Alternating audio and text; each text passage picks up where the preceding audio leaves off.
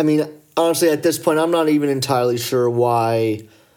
Uh, why I'm even doing doing a podcast. I mean, I, I I did this podcast because I love the New York Giants so much. I feel like I know this team well enough to critique them and analyze their games. And I really thought that, you know, maybe the opening year of my podcast would be a good year for the New York Giants and a competitive year for the New York Giants. But, you know, at this point, it, it does take a toll on you when you have to come in and, and, and always record an episode of how frustrated you are with the team.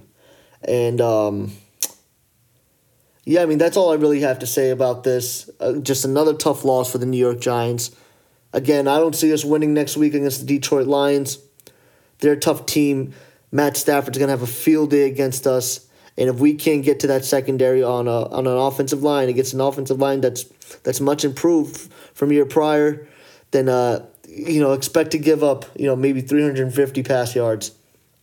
Um, they have weapons all over the field. You know, this is also just another team, you know, unlike some of the other teams where we played, you know, like when we played against the New England Patriots, they didn't even have all of their uh, offensive weapons on the field. And they still managed to score 35 points. Uh, you know, the Washington Redskins don't have enough uh, offensive weapons in the first place. Uh, the Minnesota Vikings, we saw how much they were able to kill us both in the pass game and the run game when they had when their team was healthy. And similarly to the Minnesota Vikings, the Lions have a fully equipped wide receiver core. They have Marvin Jones. They have Kenny Golladay. They do have T.J. Hockenson. They also have a good running game now with uh, Kerryon Johnson. So I don't know. I don't know, man. I think our defense is going to have a long day next weekend as well.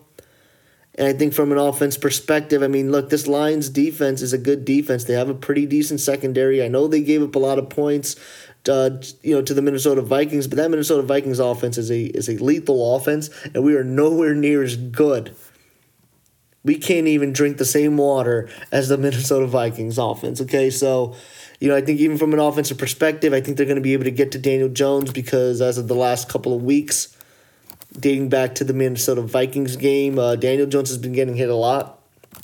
Um, you know, maybe Sterling Shepard can come back from the from concussion. Maybe he gets cleared from concussion protocol. Maybe that opens up things a little bit more for our offense, and you know we can go from there uh, because then this will be officially, I think, the first time that Daniel Jones has a complete set of offensive arsenal. And then if then our team can't move the ball down the field and produce enough yards and points,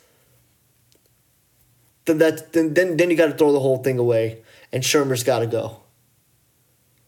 So we'll see how it goes. Um, but yeah, folks, that's about it. That wraps this episode up. Please, everyone, make sure you subscribe to my YouTube channel. I'm also on Instagram, so make sure you follow me on Instagram.